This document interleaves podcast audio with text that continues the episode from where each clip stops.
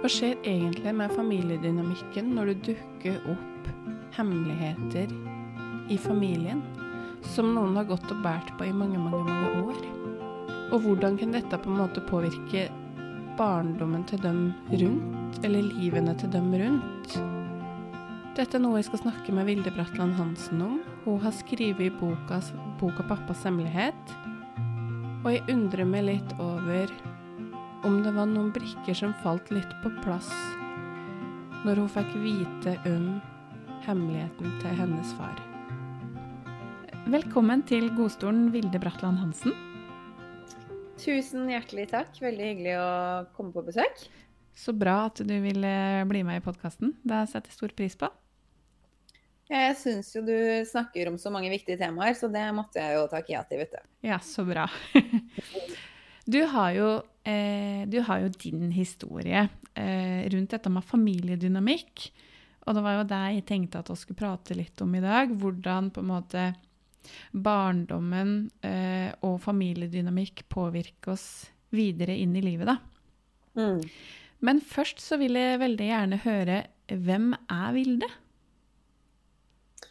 Eh, ah, det er alltid et vanskelig spørsmål, da. Ja. Eh, men jeg liker veldig godt at du stiller det. At det liksom ikke er på hva du jobber med og uh, alt det der.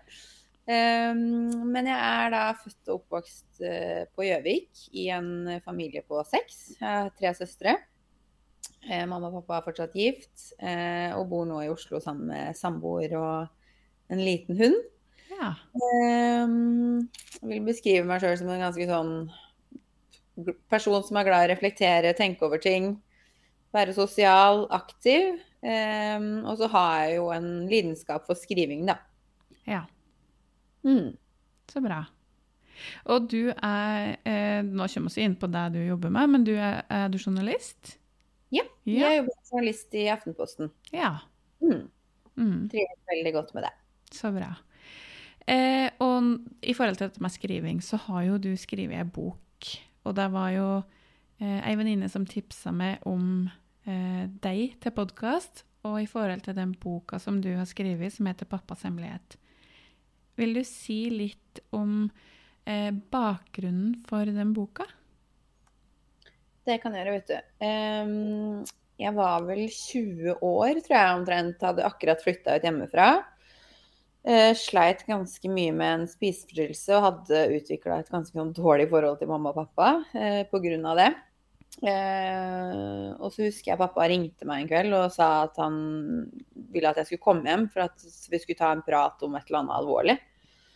Så da tenkte jeg at åh, nå blir det enda en samtale om liksom, denne spiseforstyrrelsen, om hvor tynn jeg er, og at nå må jeg ha hjelp og bla, bla, bla. Men jeg kom jo, eh, og så husker jeg liksom Idet jeg kom inn i stua den kvelden, så skjønte jeg at det her er ikke, det her er ikke den samtalen, på en måte. Nei. Jeg har et veldig sånn klart bilde av at pappa sitter i sin faste stressless, mamma i sin. Og så er lillesøstera mi Thea i sofaen da, ved siden av. Eh, og bare sånn hele stemninga er skikkelig dyster. Eh, og alle sånne scenarioer liksom gikk igjen mot meg. Han har vært utro, har han begått underslag? Hva, hva har, han, har han fått dødsdommen, liksom? Hva er det som har skjedd? Mm. Um, men det jeg ikke kunne for, eller sånn se for meg, det var jo det han fortalte. Um, det, og det var at han hadde blitt utsatt for seksuelle overgrep fra han var 9 til han var 16 år. Ja. Um, og det stem, jeg klarte liksom ikke å ta det inn, uh, fordi det stemte ikke mitt overens med mitt bilde av hvem pappa var, og hvem et overgreps... Ikke offer, men en overgrepsutsatt er, da. Ja.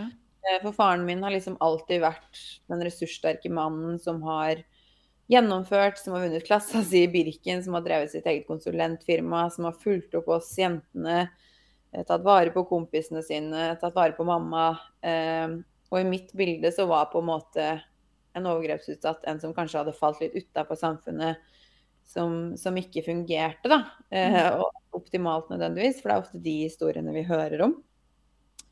Så det ble på en måte litt sånn min inngang til å forstå meg på tematikken og forstå meg på hvorfor pappa ikke hadde fortalt noe før. For han ble jo da 49 år før han fortalte om det her til, til noen. ja. Eh, og da jeg begynte å skrive boka, så var det vel egentlig det der med å være mannlig utsatt som var hovedinngangen, men så skjønte jeg jo underveis da, at det her er jo en eh, bok om å være pårørende av en, en overgrepsutsatt også. Fordi overgrep det påvirker jo ikke bare den utsatte, det preger jo hele familier. Ja, det gjør jo det. Mm. Mm.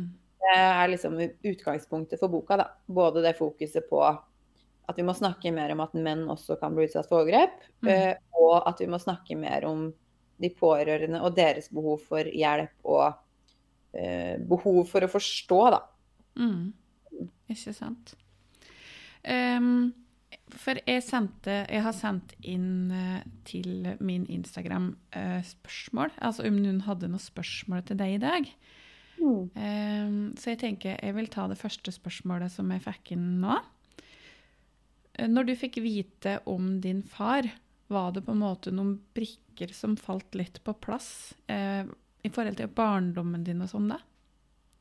Veldig. Og det var jo det vi eh, altså sånn, Det der med at jeg ikke klarte å ta det inn, det var jo mer sånn at jeg syntes det var så irrasjonelt at han ikke hadde fortalt det og sånn, men samtidig så var det liksom akkurat sånn Å, selvfølgelig ble det det. Selvfølgelig er det forklaringa. Eh, sånn som Jeg har aldri skjønt hvorfor pappa har vært så nedtrykt når det har vært jul, f.eks. Eh, for da er liksom, da skal alle være glad, og vi hoppa rundt i kjolene våre og gleda oss til å åpne pakker. Og han var alltid sånn at det var så materialistisk og bare negativt og, Ja. og sånn. Og nå vet jo vi at de overgrepene skjedde eh, i jula. Så han assosierer jo alle de luktene, eh, ja, lukten av granbar, ribbe, alle de tingene, det assosierer jo han med sin egen overgriper. For det var da ov- overgriperen var, var på besøk eh, hos farmor og farfar, da. Ikke sant. Um, så det ga f.eks. veldig mening. Mhm. Um, og så har det jo vært eh, veldig sånn i min oppvekst at vi skal ikke surve for ting. Du skal ikke være lei deg og du skal spytte i neven og se fremover. Fordi det alltid har vært pappa sin mestringsstrategi. da. Når han har følt på vonde ting, så har han bare eh, prestert, eh, fått til ting. Ja. Um, og det har vært lite plass til de negative følelsene, da, som tristhet og, og sånne ting. Mm. Så det ga også veldig mening. Eh, og det der, hele det behovet for anerkjennelse og holde seg i gang, da. Ja. Jeg husker når vi var små, så pappa jobba jo 60 timers uker, tok master i ledelse, trente 15 Oi. timer i uka, eh, sov 4-5 timer i døgnet. ja. Eh, Og det fikk han jo igjen for på et senere tidspunkt, vel å merke. da. Men eh, det derre behovet for å holde seg i gang, for å holde de traumene på, på avstand, da. Plutselig ga det veldig mening. Jeg tenkte liksom at pappa bare var en sånn fyr som alltid vil få til ting. Men stussa vel, eller sånn Tenkte ikke at det kunne være en bakenforliggende årsak til at han alltid liksom måtte være i gang med et eller annet, da. Ikke sant. For, for det er jo Det blir jo hans måte å håndtere traumer, eh, vonde følelser, minner på, ikke sant. Det er å flykte på en måte litt sånn inn i jobb, ha mye å gjøre, holde huet i gang hele tida. Mm, og det er sånn Det er så mange som har spurt meg sånn og når jeg skrev boka og Ville, kan du finne liksom, hvordan ser man at en person har blitt utsatt for overgrep? Mm. Og jeg ser jo på en måte bare at pappa har ett symptom, og det har jo vært å på en måte holde seg i gang, gang og jobbe. Det er jo på en måte en slags rus, det òg, da. Mm. Eh, At noen går jo inn i rusen for å døyve følelsene, smertene. Eh, Andre går inn i en sånn der humoristisk rolle og skal alltid være den som kødder og ler bort ting. Mm. Og at liksom mange utsatte tar, tar veldig sånne ekstreme roller, da. Ja. De har på en måte strategier som de bruker for å håndtere det. Mm, Og så er det dette med å kanskje finne strategier som fyller et tomrom. mm, Um, det kan være shopping, det kan være ja, rus, eh, Mm. trening, det kan være mat. Det er jo veldig mye, ikke sant? Absolutt. Og det er derfor jeg tror vi liksom må tørre å snakke mer om at ressurssterke mennesker også kan være på sånne historier, da. Mm. Um, mm. Ikke sant? For det er jo dette her med eh, det, det, det usynlige. Eh, det handler jo litt sånn om usynlige traumer, fordi at det synes ikke. ikke sant? Det er ikke noe eh, Har du vondt i armen, eller har du, har du brekt armen, så går du med gips, men som det er veldig synlig. Mens det du går og bærer på i, ja, i da 40 år, da, det er jo ikke synlig, og så går du og har det veldig, veldig vondt inni det. ikke sant? Så det er jo helt forferdelig. Virkelig. Mm. Og det er det som jeg syns er så vondt å tenke på nå, da, eh, etter pappa fortalte, og se hvor mye bedre han har fått det nå. Sånn, hvor mye smerte han kunne sluppet, da. Ja. Hadde han sagt det tidligere, på en måte, så kunne han sluppet unna mye. Mm. Ikke sant? Eh, jeg undrer meg litt over hva eh, tror du det handler om Altså, hva tror du det handler om at den ikke sa det før den var 40? Um, da det her skjedde, det var jo på 1970-tallet. Eh, Ja. Jeg har gjort mye research liksom, knytta til hva, hva visste man om overgrep på den tida. Og på den tida så kom det forskningsartikler som anslo at én til én i en million ble utsatt for overgrep. Eh, og at det skjedde i hvert fall ikke innenfor husets fire vegger. Eh, man så for seg at eh, det var på en måte seksuelle avvik som holdt på med sånn. Det var ikke på en måte den ressurssterke, snille mannen som vi veit i dag at det er eh, like så godt kan være overgripere. Ja. Så det tror jeg på en måte var det eneste man snakka ikke om overgrep, så man så det ikke, på en måte. Eh, og pappa visste ikke hva det var. Nei. Pappa skjønte på en måte først uh, at det var snakk om overgrep da han så min eldste søster ligge på stellebenken. Uh, bare sånn Oi, det var overgrep jeg ble utsatt for. Ehm, Så han assosierte det som barn med homofili. Ja. Uh, så han var jo, da det her begynte, så var han redd for at han var homofil. ja. At det var det det handla om. Og på det tidspunktet så var jo homofili akkurat blitt sånn avkriminalisert. Og uh, i pappa sin vennegjeng så var på en måte homo det var det verste skjellsordet du kunne få slengt etter deg. da. ja. Han holdt kjeft for, av frykt for at liksom, han skulle bli stempla som homo. Mm. Um, og så Det som også skjedde, da, var jo at når de her overgrepene begynte, så fikk pappa en veldig utagerende atferd. Han endra seg veldig over natta fra å være en skoleflink gutt til å på en måte bli klassens bølle på et vis. Så han var veldig vant til å få skylda for alt. Ja. Eh, Så han så for seg at hvis jeg forteller om det her, så får jeg jo skylda for det òg. Ikke sant? Og så blir det en sånn taushetens dynamikk etter hvert, fordi ehm, jeg tenker sånn Hvorfor har jeg ikke fortalt det før? Da vil jeg, vil- vil jeg få på en måte pepper for det. Mm. Eh, og så blir pappa ung voksen, og denne overgriperen har med seg sin unge nevø. Eh, pappa er jo ikke i tvil om hva som skjer på soverommet når, eh, når de går og legger seg om kvelden.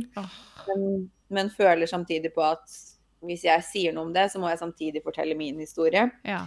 Eh, ja, og så kommer det til et punkt der du tenker at det er bare å ta med meg i graven, for nå har jeg klart å holde ut så lenge. Ja.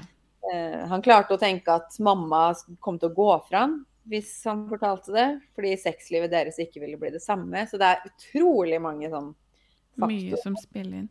Og så vil jeg tro det er en del em, skam rundt det. Nå, når vi spiller inn denne podkasten her i dag, så har jeg på en måte Jeg har hatt om skam denne uka her på sosiale medier. Og det er, jeg vil jo tro at det var en del skam rundt det også da ja, 70-80-tallet, ikke sant? Mm, veldig. Og så tror jeg den skammen er ekstra stor for menn, da. Fordi Mm. vi må jo takke kvinnebevegelsen for at det her med overgrep faktisk ble satt på agendaen på 70-tallet. Ja. Men samtidig så har på en måte historien siden den gang vært at eh, den utsatte er en kvinne, og mannen er en, eller overgriperen er en mann. ja. Mm. Eh, det er veldig mange menn som har vært utsatt, som føler litt at de må velge, da. Skal jeg fortelle og innta en feminin rolle som et offer? Eller skal jeg holde kjeft og uh, Ta det som en mann. ivareta min Å være, Ja. og være en mann, da. Ja. Være en mann. Ja. Så jeg er vel, brenner jo veldig for at den mannsrollen skal få lov å romme begge deler, da. Ja. Jeg syns pappa har vist så fint at han kan på den ene sida være historien om den ressurssterke mannen som har vunnet klassa si i Birken og alle disse mestringsgreiene, Mm. og være utsatt for overgrep. Mm. Og at det går an å eksistere side om side, da. Ikke sant? Og at menn må tørre å vise den sårbarheten eh, i større grad enn det det har gjort fram til nå. Mm. Mm. Ha, dere altså, For jeg vet jo at du og pappaen din også har vært, øh, vært på noen podkaster og litt sånn. Mm. Har dere på en måte fått en erfaring med at eh, det har fått andre til å åpne seg, eller har dere fått noen tilbakemeldinger på at øh, andre har delt noe av sitt? At det har vært mer åpenhet? Det er jo det som har vært så utrolig overveldende. fordi det begynte jo med at jeg skrev en kronikk om det her i 2015, tror jeg det var. Ja. Og da sa jo pappa ja til det, liksom. Ja ja, det er jo ingen som leser aviser lenger, liksom. Eh, men det var vel 15 minutter etter at den artikkelen ble publisert, så eh, strømma jo meldingene på. Ja. Eh, og vi ble invitert på God morgen Norge, vi var på innslag der, og så satt pappa på toget på veien fra Oslo til Gjøvik. Og ble jo kontakta av 50-100 menn i alle aldre, ikke sant. Mm. Eh, vi snakker 70-80 år gamle menn som har gått med det her hele livet, og som nå forteller sånn OK, jeg skal fortelle det til kona mi før jeg dør, liksom. Oi, herregud. Ja. Um, så det har vært sånn helt overveldende, og vi har jo funnet ut at det er tre bare på fotballaget til pappa på Gjøvik som ble utsatt for det her, og de var 15 stykker. ja. Um, og når vi holder foredrag og sånn, så kommer det alltid bort noen og forteller om, eh, om lignende historier. Um, så det er en, uten tvil en skeivhet òg i forskninga som viser at eh, gutter utsettes i mindre grad enn jenter. Da. Jeg tror det er mye mørketall der, mye pga. den skammen. Og derfor er det så viktig at flere menn går foran og forteller at de også er blitt utsatt. Da. Absolutt. Det syns jeg òg. Så bra. Så bra at hen på en måte valgte Eller det var eh, 40 år, det gikk 40 år da. Så jeg tenker så bra uansett at han valgte å gjøre det. Veldig. Jeg er jo kjempe, kjempetakknemlig for at han har gitt liksom, oss muligheten til å reskrive litt Ja. barndommen og kunne forstå oss sjøl ordentlig. Da. Fordi Mm. sånne familiehemmeligheter Du tror ikke nødvendigvis at jeg reflekterte over det, men det har jo ubevisst ligget noen sånne sånn Hæ? Eh, som, ja, når han fortalte, resulterte i noen aha-opplevelser og en følelse av å forstå meg sjøl bedre, da, og hvor jeg kommer fra, på en måte. Mm. Mm. Du nevnte tidligere at du hadde slitt med noen spiseforstyrrelse. Eh, Tenker du at eh, det kan ha en slags eh, Altså at eh, måten du ble møtt på da, påvirka hvordan du fikk det? Altså spiseforstyrrelse og sånn? Eh, absolutt. Jeg, tror, jeg mener jo alltid at det er liksom veldig sammensatt hvorfor man får en spiseforstyrrelse. Men pappa hadde jo har alltid hatt en veldig kroppsforakt. Ja. Veldig mye fokus på det her med trening og være veltrent og sånn i vår familie. Mye sånn småkommentarer og folk som ikke trener og sånn. Så det har på en måte vært et symbol på vellykkethet da, i vår familie å være godt trent. Mm. Eh, og jeg satsa jo ganske hardt på håndball, eh, og pappa og jeg fikk et veldig nært bånd i det. Um, så det var nok litt av grunnen til at det også ble mat som ble på en måte min eh, flukt da når jeg fikk det vanskelig. Fordi det begynte egentlig på, på videregående. Eh, opplevde liksom å leve i et sånn hamsterhjul med karakterpress, håndballen, jeg fikk min første kjæreste. Mm. Følte liksom at alt bare gikk på repeat. Men jeg var liksom opplært med at åh, nå har jeg jo kommet dit jeg ville. Jeg var på juniorlandslaget, jeg var på elitelaget. Eh, der jeg hadde drømt om å være i så mange år. Og så følte jeg meg så tom. Ja. Så jeg skamma meg veldig over de negative følelsene som jeg ikke hadde blitt møtt så mye på da, i barndommen. Eh, og da ble min løsning å finne kontroll i mat og trening, da. Eh, Istedenfor å fortelle at Vet du hva, jeg er så tom, og jeg skjønner ikke hvorfor. Kan Nei. noen snakke med meg om det her? ja. Um, så da, ja, ubevisst så tenkte jeg nok sånn OK, hvis jeg bare ser bedre ut, så vil jeg jo føle meg bedre. For det var det jeg assosierte med eh, vellykkethet, da. ja ikke sant. Mm. Mm. Um, men merka du uh, noen endringer på deg sjøl etter at du fant det ut? Altså um, endra du det da du fikk på en måte en bedre forståelse av din fars opplevelse? Veldig. Jeg husker jeg fikk en sånn der åpenbaring på at jeg har vært eller sånn, tidligere i livet vært veldig sånn hard mot folk. Sånn Hvorfor kan du ikke bare ta deg sammen? Hvorfor gjør du sånn og sånn og sånn? Ja. Men um, jeg skjønte liksom at når, en av mine, når jeg ikke har kjent historien til en av mine nærmeste, og plutselig får den, så gir alt så mening, da. At det er en grunn til at folk er som de er. Ja. Um, så den største endringa vil jeg si at jeg har blitt mye mer medfølende med mennesker. da. At det er en grunn til at vi ender opp som vi gjør, og at alle har en historie. Mm. Uh, og at vi skal være litt forsiktige med å dømme før vi kjenner noen på ordentlig. Ikke sant? Um, og det å tørre å vise sårbarhet, da. Uh, for jeg ser hvor mye sterkere relasjonene mine blir til andre når jeg faktisk tør å snakke om de vanskelige tingene. Og det er ikke sånn at det skal være trist hele tida, men å tørre å vise seg sårbar for andre mennesker, jeg tror det er så avgjørende for å ha gode relasjoner, meningsfulle relasjoner. Mm. Og at jeg tror eh, med en gang man velger det sjøl, så får man veldig ofte noe i retur. Ja, ikke sant. Mm. Og så sier du at du på en måte vært mer bevisst på å være medfølende for andre, men er det også medfølende for deg sjøl? Det vil jeg også si at det har vært en uh, stor endring på. Jeg Mm. begynte jo med yoga sånn parallelt egentlig med, uh, med det at pappa fortalte, eller noen år seinere. Og der har det vært veldig fokus på det, da. Uh, for jeg har Ja. alltid prøvd Jeg er en ganske introvert person, f.eks. Alltid ønska at jeg var mer ekstrovert. Eh, men etter det jeg kom fram, så liksom litt mer den derre anerkjennelsen av hvem jeg er, og hva jeg har behov for, da. Ikke sant? Så bra. Mm. Det er jo veldig bra. Mm. Um, men tror du at uh, Tror du at barndommen din hadde vært annerledes om din far ikke hadde hatt den historien? Ah, det er alltid veldig vanskelig å si, eh, for det er så mange grunner til at et menneske blir som det blir, holdt jeg på å si. Mm. Men eh, jeg vil nok tro at pappa hadde vært en annen uten de erfaringene, gitt at liksom atferden hans endra seg så drastisk etterpå. Mm. Eh, og han har jo blitt innhenta av flashbacks og sånn. Eh, og slitt med depresjon og angst. Så jeg vil nok si at eh, barndommen min ville nok vært annerledes hvis, hvis det ikke det hadde vært hans historie. Mm. For jeg jobber jo mye med dette med at oss er jo på en måte et resultat av hvordan vi har blitt møtt tidligere, ikke sant? Mm. Um, og jeg tenker jo Uh, Jeg skulle ønske da at de også på 70-, 80-tallet, eller 70-tallet, da, eh, kunne forstå at når atferden til din far da endra seg så drastisk, at de kunne forstå at OK, her ligger det noe bak den atferden vi trenger å se bakenfor. Fordi Mm. at eh, atferd er jo bare et symptom på et udekt behov eller eh, følelser, da. Og jeg tenker da hadde de bare kunnet sett bak der, i stedet for å på en måte Ja, sikkert la det bare skure og gå, da. Så Absolutt. Mm. Og det har pappa sagt mye om òg. At uh, det var ingen som stilte det spørsmålet. Hvorfor er du plutselig så, hvorfor er du blitt så sint? nei. Det var bare Du er umulig. Ja. Eh, Du skal på spesialklasse. Eh, pappa ble jo faktisk også sendt på dannelsesreise til sin egen overgriper i Tyskland. Fordi liksom han hadde vært så umulig. Så Oi. da måtte han være to uker i, i München da, hos uh, sin egen overgriper.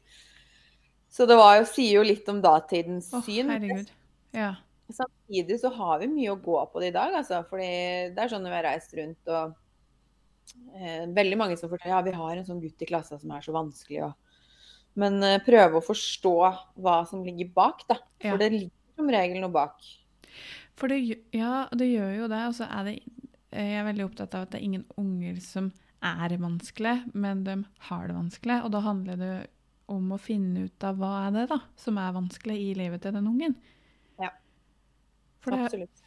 Altså, um, jeg tenker i hvert fall mye på dette med at det er jo ingen som er født eh, vanskelig, på en måte.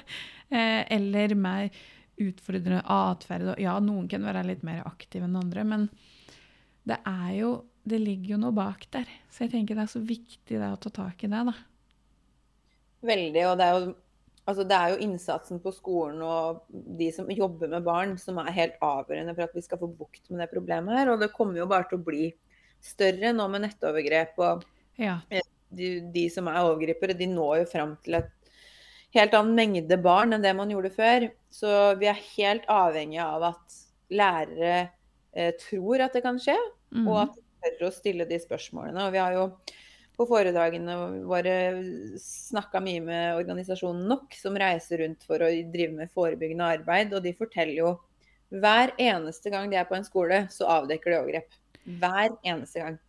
De gjør det, ja. Det viser jo at liksom det skjer mer enn vi tror. Og så snakker jeg med lærere som har jobba i skoleverket i ti år, og som bare Jeg har jo sett statistikken, at det er, kan være flere i en klasse, men jeg har aldri opplevd det. Så jeg tror man liksom må tørre å eh, tro at det kan skje, for å se at det skjer. Ja, for det handler jo om kanskje at folk har litt lett for å på en måte kanskje sette på seg litt sånn skylapper og bare eh, holde seg innafor dette skjer ikke. For det, det er jo vondt eh, å kanskje oppleve som lærer at en, altså at dine elever har blitt utsatt for overgrep. Da. Så da er det mye enklere å på en måte eh, fortrenge det eller unngå det, eller på en måte sette på seg litt skylapper, fordi at da trenger jeg ikke forholde meg til det. Mm. Mm. Og det er jo synd. Så jeg tenker den åpenheten som du og din far eh, reiser rundt og, og, sprer, det er jo kjempe, kjempeviktig. Takk. Det er godt å høre. Så bra. Um, har du noe du har lyst til å formidle når du, altså til lytteren uh, som sitter og hører på? Jeg brenner jo veldig for det der at man skal ta de samtalene med foreldra sine, da. Som man kanskje har venta litt for lenge med å ta. Uh, for jeg opplever at mange av oss sitter inne med ting de lurer på om foreldra våre, og som de kanskje tenker at de skal ta opp en gang når de blir eldre. Men så venter man og venter man. Um, og så ser jeg liksom hvor mye jeg og pappa har fått ut av å snakke ut om ting i forbindelse med denne boka her, da. Mm. Uh, og det å på en måte forstå hvor pappa kommer fra, det han har opplevd, og hvordan det har påvirka meg, uh, det gir meg sjøl en mulighet til å lære av det han har vært igjennom, og mulighet til å stake ut nye kurser for meg sjøl der, der, han kanskje har tatt feil valg, da. Ja. Um, fordi jeg tror vi er for lite bevisst på at alt som skjer i foreldra våre sine liv, også før vi blir født, da, eh, påvirker oss. Mm. Um, og at det er liksom lurt å ha en liten bevissthet rundt det. da. Absolutt. Mm. For det er jo noe med eh, Ja, som jeg starta med i dag, med den eh, barndommen, familiedynamikken, påvirker oss jo seinere, altså inn i voksenlivet. Uten tvil. Mm. Det er veldig, veldig sant. Og det er jo mange andre familiehemmeligheter og ting enn overgrep også. Det kan være ja, andre ting som ikke er snakka så høyt om, men som man kanskje lurer på. Så snakk sammen og still de spørsmålene er vel kanskje det jeg brenner litt inne med, da. Ja, ikke sant. Mm. Så bra. Eh, tusen, tusen takk, Vilde, for at du hadde lyst til å bli med i podkasten min. Det er kjempefint å få høre i hvert fall den åpenheten som dere er med på å sprer. Det er, åh, det er varme i hjertet mitt. Tusen takk, og tusen hjertelig takk for at jeg fikk lov å komme. Det var veldig koselig. Så bra. Da får du ha en fin dag videre. Takk, og god sommer. God sommer til deg òg. Ha det. Ha det bra.